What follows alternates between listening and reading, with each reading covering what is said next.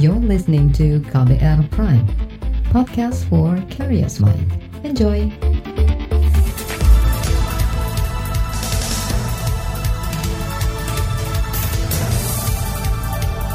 Selamat pagi saudara, kembali kami menemani pagi hari ini dengan sejumlah informasi pilihan di Buletin Pagi. Saya Eka Juli. Dan saya Don Brady, kami telah menyiapkan sejumlah informasi terkini di antaranya Pemerintah lobi Arab Saudi terima jemaah umroh yang telah sampai.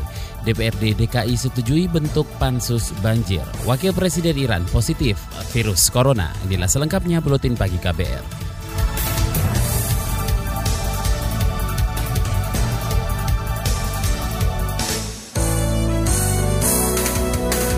terbaru di Buletin Pagi.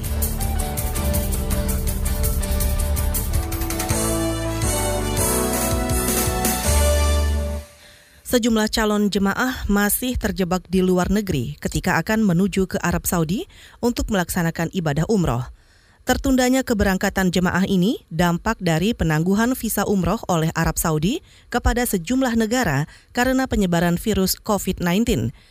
Calon jemaah umroh asal Depok, Jawa Barat, Supriyono mengatakan saat ini ia bersama puluhan jemaah yang lain masih terjebak di Muscat, Oman. Kita belum dapat kepastian lagi nih kapan akan kita akan diberangkatkan. Nah, ini kita masih akhirnya kita ya alhamdulillah masih di hotel masih tidur tiduran sambil nunggu Oman Air mau berangkatin atau kita dibalikin ke tanah air. Calon jemaah umroh asal Depok, Supriyono juga menjelaskan, ia bersama rombongan seharusnya terbang ke Jeddah dari Oman sore kemarin. Namun adanya kebijakan penundaan membuat mereka menunggu hampir 24 jam di Oman. Sementara calon jemaah umroh yang belum berangkat asal Jombang, Jawa Timur, Anam Eni Huda berharap keputusan pemerintah Arab Saudi berubah, mengingat banyaknya calon jemaah yang akan berangkat – Meski begitu, ia tetap menghormati kebijakan Arab Saudi untuk mencegah penyebaran corona. Saudara sejumlah jemaah dilaporkan tertahan di Bandara Soekarno-Hatta, Tangerang, Banten. Untuk mengetahui suasana di Bandara Soekarno-Hatta, kita tersambung dengan jurnalis KBR Wahyu Setiawan. Wahyu, silakan. Baik, ratusan calon jemaah umroh yang batal berangkat ke Tanah Suci sudah tidak terlihat lagi di Bandara Soekarno-Hatta, tepatnya di Terminal 3 keberangkatan. Dari informasi yang saya himpun di lapangan, calon jamaah haji sudah meninggalkan bandara sejak kemarin siang hingga lepas maghrib. Mereka dijemput oleh agen travel masing-masing untuk kembali ke daerahnya. Namun ada juga yang diinapkan di beberapa hotel terdekat. Sejumlah petugas bandara yang saya wawancara mengatakan sejak kemarin siang memang banyak calon jemaah umroh yang terlantar di ruang tunggu Terminal 3 mereka mendadak batal ke Tanah Suci lantaran Kementerian Haji dan Umroh Arab Saudi menangguhkan sementara pelayanan umroh bagi warga luar kerajaan dalam upaya mencegah penyebaran virus corona. Bahkan ada yang sudah terbang hingga ke Dubai namun kembali ke Indonesia imbas kebijakan tersebut. Dari informasi petugas bandara, ada tujuh maskapai yang dibatalkan mengangkut calon jemaah umroh. Demikian Wahyu Setiawan melaporkan untuk KBR. Ya, saudara pemerintah Indonesia mengaku sudah melobi Arab Saudi untuk mengizinkan calon jamaah yang sudah mendarat untuk melaksanakan ibadah. Menteri Luar Negeri Retno Marsudi mengatakan belum ada respon dari Arab Saudi terkait permintaan itu. Tadi menyampaikan apakah bisa untuk yang sudah terbang itu dan akan segera mendarat waktu tadi waktu uh, saya bicara itu pukul 8 waktu Saudi dan akan ada pendaratan pertama yang dari Indonesia itu sekitar pukul 1 siang. Jadi teman-teman baik yang di Riyadh maupun di Jeddah dan dari saya dari Jakarta juga melakukan pendekatan kiranya yang sudah terlanjur landing itu dapat di apa namanya diperkenankan untuk umrah Menteri Luar Negeri Retno Marsudi menambahkan, sejauh ini WNI yang sudah berada di Arab Saudi tetap diperbolehkan beraktivitas. Retno juga memerintahkan perwakilan Indonesia di Timur Tengah untuk memantau kemungkinan jemaah yang terhenti perjalanannya ke Arab Saudi. Jika hal itu terjadi, maka pemerintah akan berkoordinasi dengan maskapai dan biro perjalanan masing-masing untuk mencari solusi. Kedutaan Besar Republik Indonesia di Riyadh Arab Saudi belum mengambil keputusan terkait nasib jemaah umroh Indonesia yang terlanjur terbang ke Arab Saudi. Konselor Bidang Penerangan Sosial dan Budaya KBRI Riyad Joko Sulastomo menyebut sampai saat ini KBRI Riyad masih berkoordinasi dengan Konsulat Jenderal Republik Indonesia di Jeddah, Arab Saudi untuk membantu para jemaah umroh asal Indonesia yang sudah terlanjur terbang ke Jeddah kita sekarang lagi di paling palingnya sekarang saya sedang di Bandara Jeddah. Saya mau bergabung dengan tim KJRI untuk bantu untuk bantu kelancaran jemaah kita yang sudah kadung terbang itu, Mbak. Konselor Bidang Penerangan Sosial dan Budaya KBRI Arab Saudi Joko Sulastomo menambahkan sejumlah opsi telah disiapkan oleh pemerintah untuk menangani calon jemaah umroh yang terbang maupun yang sudah berada di Arab Saudi. Dewan Pengurus Pusat Asosiasi Muslim Penyelenggara Haji dan Umroh Indonesia atau DPP Ampuri mengaku Kerugian akibat penangguhan izin umroh oleh pemerintah Arab Saudi tak hanya ditanggung oleh penyelenggara, namun juga jemaah. Wakil Sekretaris Jenderal DPP Ampuri Muhammad Farid Al-Jawi mengatakan pemberlakuan larangan visa secara mendadak membuat jemaah umroh harus dipulangkan ke tanah air. Kalau biaya umroh, anggap aja menurut ketentuan Menteri Agama sekitar 20 juta, kalau kali 1 juta ya 20 triliun umroh ini kan menyangkut beberapa kementerian. Yang paling besar ya adanya di perhubungan yaitu penerbangan. Karena penerbangan itu sudah menguasai 67 persen dari total harga paket.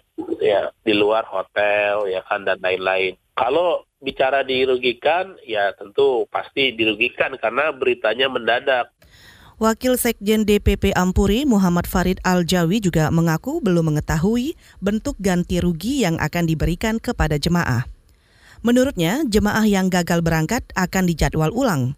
Di sejumlah daerah, penyelenggara ibadah umroh telah mengonfirmasi batalnya pemberangkatan ibadah ke Tanah Suci ini. Di Jawa Barat misalnya, 28 ribu calon jemaah umroh dinyatakan batal berangkat. Direktur Utama Angkasa Pura I Faik Fahmi dalam konferensi pers usai rapat tingkat Menteri di kantor Kemenko Pembangunan Manusia dan Kebudayaan PMK mengatakan ada tujuh bandara yang terdampak akibat kebijakan penghentian ibadah umroh ini. Dari Bandara Angkasa I kan ada 15 bandara. Ya, dari 15 bandara ini ada tujuh penerbangan yang menuju ke Saudi Arabia ya untuk umroh. Tapi yang berjadwal itu kan hanya Surabaya dan Ujung Pandang. Ya, untuk yang Lombok, Semarang, Solo, Balikpapan, Banjarmasin itu sifatnya tidak berjadwal. Fahmi menambahkan, setiap tahunnya tujuh bandara itu melayani lebih dari 700 penerbangan ke Arab Saudi dengan perkiraan penumpang hingga 280-an ribu. Sementara itu, sejumlah maskapai yang melayani ibadah umroh hingga kemarin mengklaim masih melayani umroh menuju Arab Saudi. Salah satunya adalah maskapai Lion Air. Juru bicara maskapai Lion Air, Danang Mandala Prihantoro mengatakan belum ada pembatalan penerbangan menuju Arab Saudi. Kemarin IHSG anjlok lebih dari 2 persen. Informasinya sesaat lagi tetaplah di Buletin Pagi. You're listening to KBR Pride, podcast for curious mind. Enjoy!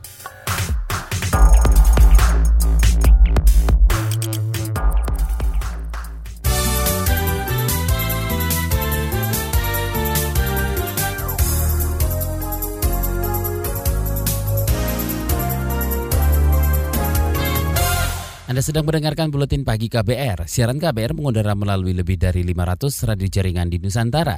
Anda juga bisa menyimak berita dan podcast kami di kbrprime.id.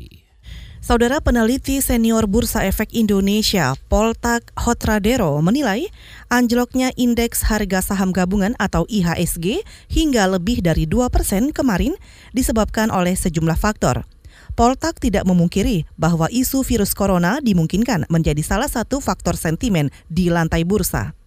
Poltak juga menyebut anjloknya IHSG hingga lebih dari 2 persen merupakan peringatan waspada bagi bursa dalam negeri, sebab pasar keuangan saat ini dianggap dalam keadaan kurang bergerak normal sebenarnya sih dua persen masih masih kita masih posisinya alert aja sih. Ya kita menyadari oh ini market lagi nggak ber, apa bergerak secara uh, normal. Apa nih penyebabnya nih? Jadi bersama melihat apakah memang cuma kita sendiri, apa memang di, di bursa lain juga seperti itu, konsentrasinya di sana seperti apa? Yang begitu itu biasanya ada ada ada, ada task force ada tugas yang kasih masukan mengenai itu. Faktor-faktornya apakah apakah memang nilai tukar juga lagi bergerak, rupiahnya lebih lemah atau bond marketnya juga lagi geser atau goncang.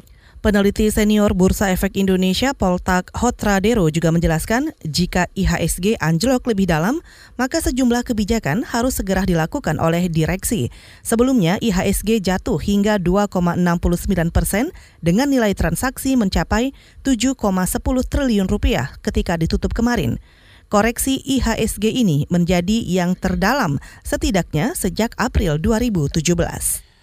Kementerian Pertanian mengaku wabah virus corona mengganggu pasokan komoditas bawang putih.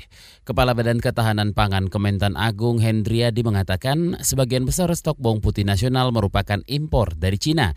Kini stoknya kian menipis tak lebih dari 46 ribu ton.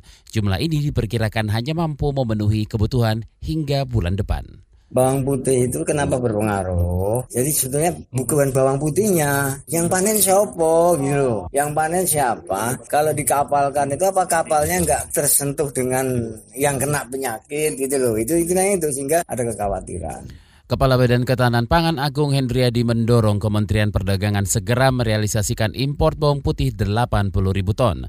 Menurutnya Kementerian Pertanian telah menerbitkan rekomendasi impor untuk mencukupi kebutuhan bawang putih nasional. Dewan Perwakilan Rakyat Daerah atau DPRD Jakarta menyetujui pembentukan panitia khusus atau panja atau pansus banjir untuk mendalami permasalahan banjir di Jakarta.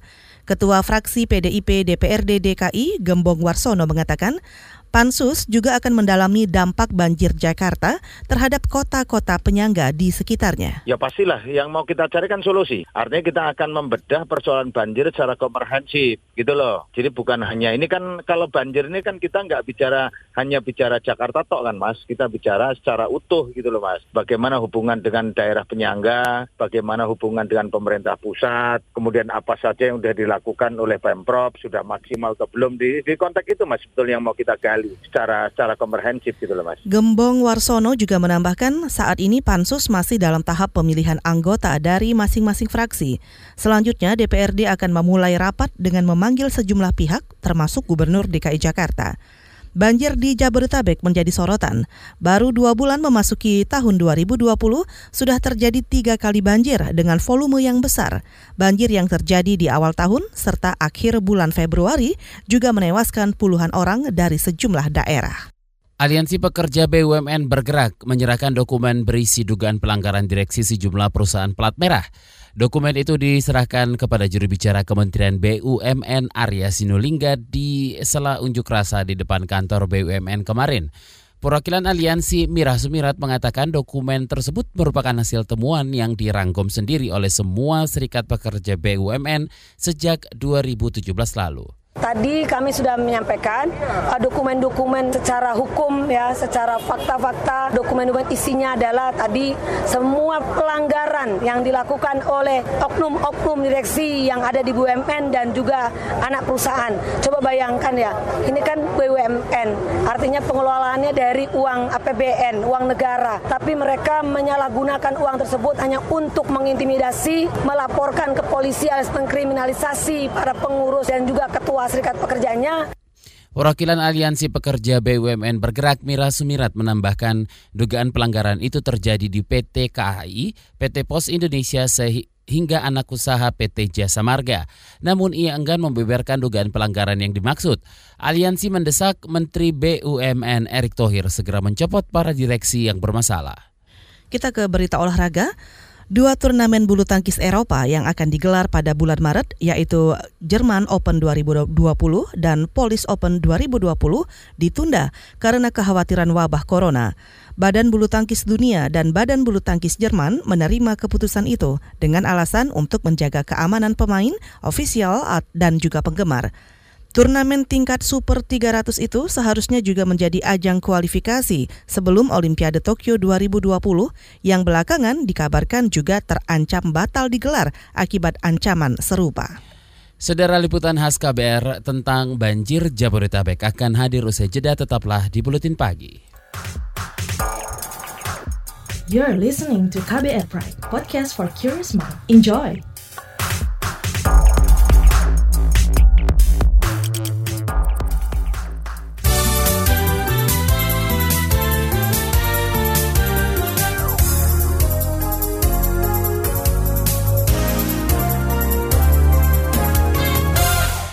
Terima kasih Anda masih mendengarkan Buletin Pagi. Saatnya kami hadirkan Saga KBR.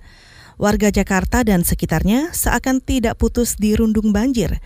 Air bah rutin menerjang tiap tahun, membawa kerugian besar pada banyak sektor. Sementara itu, pemerintah masih minim solusi dan aksi.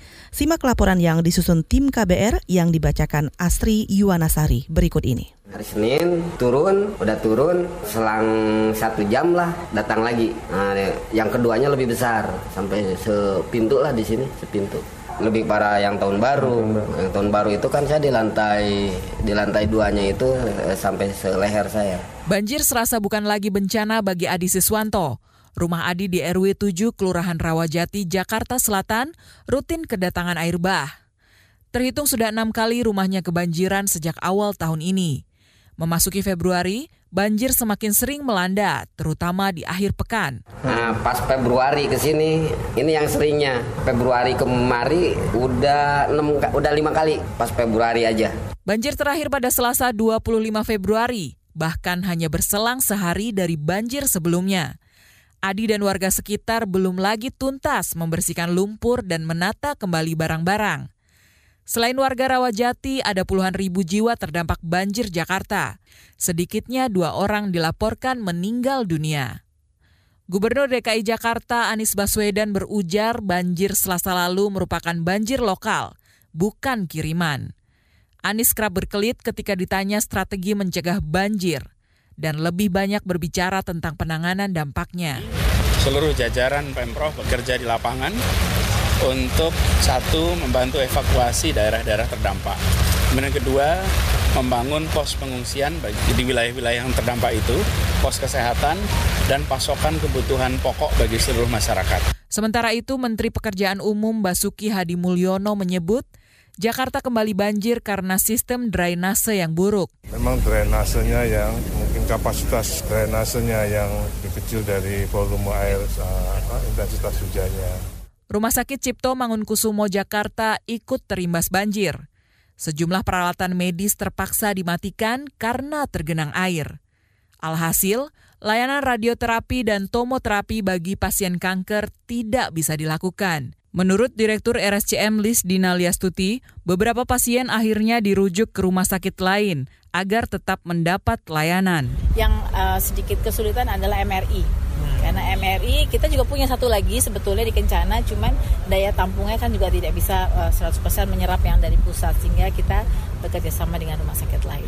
Demikian juga radioterapi karena ter kembali terulang genang genangan tersebut kita masih termatikan sehingga sekarang kita tetap tetap terpaksa juga harus uh, pengalihan ke rumah sakit lain. Banjir turut menghambat mobilitas warga. Layanan kereta komuter Jabodetabek dan bus Transjakarta sempat terhenti. Perjalanan kereta api jarak jauh dari Jakarta tujuan Jawa Timur dan Jawa Tengah mengalami keterlambatan hingga 5 jam. Banjir yang berulang kali menerjang sempat memicu kerusuhan di Mall Ion City, Cakung, Jakarta Timur. Warga setempat menuding keberadaan mall menjadi penyebab banjir di pemukiman sekitar. Menurut Kapolres Metro Jakarta Timur Ari Ardian, Kisruh terjadi karena tidak berjalannya komunikasi antara warga dengan manajemen mall. Ada masyarakat dari di sekitar Jakarta Garden Center ini yang datang untuk berkomunikasi dengan pihak uh, Jakarta Garden Center. Nah, tapi sebagian ada yang berkomunikasi, ya, ada yang mediasi, tetapi sebagian ada yang masuk ke mall, ya, dan melakukan pengerusakan. Ada beberapa yang dirusak. Dari hitungan ekonomi, dampak banjir juga tidak kecil. Kerugian yang harus ditanggung usaha kecil menengah di Jakarta ditaksir ratusan miliar rupiah per hari. Ketua Asosiasi UMKM Indonesia Akumindo Ihsan Ingratubun mengatakan banjir berimplikasi sangat luas. Banyak toko tutup, dan mengganggu perputaran uang. Apalagi di Kelapa Gading kan itu sentra perekonomian luar biasa tuh di usaha mikro kecil menengah di kuliner dan seterusnya. Itu bisa berdampak satu hari bisa sampai ratusan miliar itu. Ihsan mendesak pemerintah pusat dan daerah bersinergi, bukan malah saling lempar tanggung jawab. Menurutnya, banjir di Jakarta sudah kelewat parah. Selain di ibu kota, banjir juga melanda wilayah lain di Jawa Barat dan Banten. Demikian laporan yang disusun tim KBR, saya Astri Yuwanasari. Selanjutnya kami hadirkan informasi mancanegara dan daerah. Tetaplah di Buletin Pagi. You're listening to KBR Pride, podcast for curious mind. Enjoy!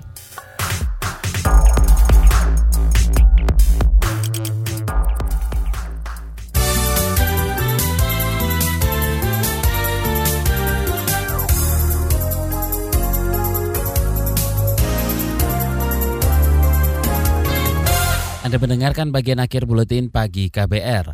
Dari informasi mancanegara, Saudara Wakil Presiden Iran untuk urusan wanita dan keluarga Masumeh Ebtekar dinyatakan positif terinfeksi virus corona. Laporan Associate Press menyebut sebelumnya Ebtekar sempat ikut dalam pertemuan anggota kabinet Iran dan duduk dekat Presiden Hasan Rouhani. Ketua Komite Keamanan dan Urusan Luar Negeri Parlemen Iran Mojtaba Zolnur juga mengumumkan ia telah terinfeksi penyakit asal Wuhan itu. Selain Ebtekar dan Zolnur, dua pejabat Iran lainnya yakni anggota parlemen Mahmud Sadegi dan Wakil Menteri Kesehatan Iraj Harici juga terjangkit virus corona. Di Iran, angka penderita virus corona mencapai 245 kasus. Sebanyak 26 orang meninggal dunia dan 49 lainnya berhasil sembuh. Kita ke informasi daerah. DPRD Jawa Timur akan melakukan evaluasi terhadap prosedur pelaksanaan operasional tambang di Gunung Tumpang Pitu, Banyuwangi. Ketua Komisi D DPRD Jawa Timur, Kuswanto, mengatakan langkah itu dilakukan untuk merespon keluhan warga desa Sumbermulyo, Kecamatan Pesanggaran, Kabupaten Banyuwangi terkait aktivitas tambang. Mencari-cari atau membuat-buat masalah oleh karena itu Komisi D akan bergerak cepat untuk langsung turun ke pertambangan di Tumpang Pitu mengetahui secara langsung bagaimana operasionalnya, kemudian apa yang menjadi permasalahan yang disampaikan oleh masyarakat. Dari situ nanti kita akan melihat kebenaran dari apa yang disampaikan dalam aspirasi yang disampaikan berhari-hari di Jawa Timur ini itu yang akan kita lakukan. Sebelumnya, sejumlah masyarakat dari warga desa Sumber Mulyo, Kecamatan Pesanggaran, melakukan aksi mogok makan di depan kantor Gubernur Jawa Timur hampir seminggu.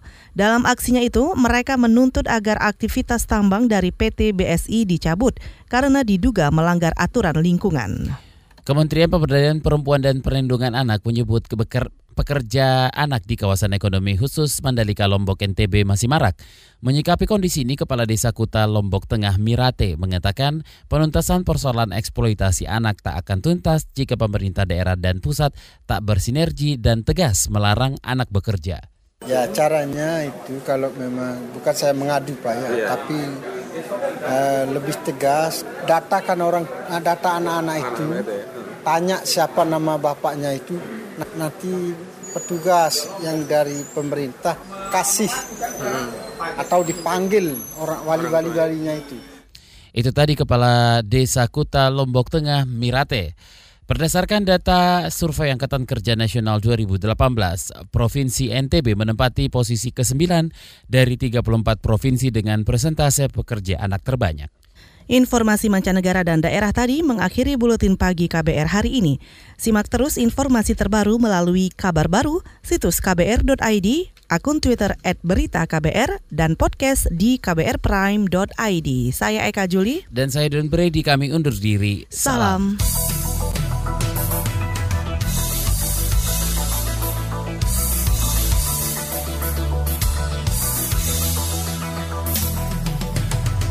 KBR Prime, cara asik mendengar berita. KBR Prime, podcast for curious mind.